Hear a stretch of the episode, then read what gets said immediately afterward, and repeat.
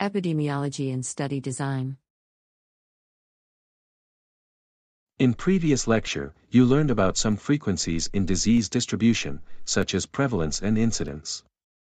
And also that we can study the pattern for explaining the disease distribution. The pattern of disease explains the events by time, place and person. And based on what we need to know, we design our studies.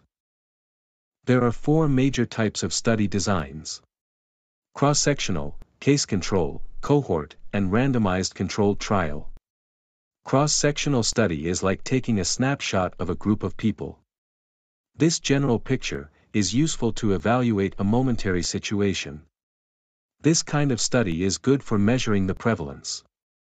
However, in cross-sectional study, we cannot distinguish the cause from the effect, and therefore this type of study is descriptive only. Which makes the other types of studies analytical. Means we can distinguish the risk factors. And among them, cohort can measure incidence of a disease. Case control studies are very suitable for finding the risk factors of a rare condition. And RCT is the only type of design with intervention.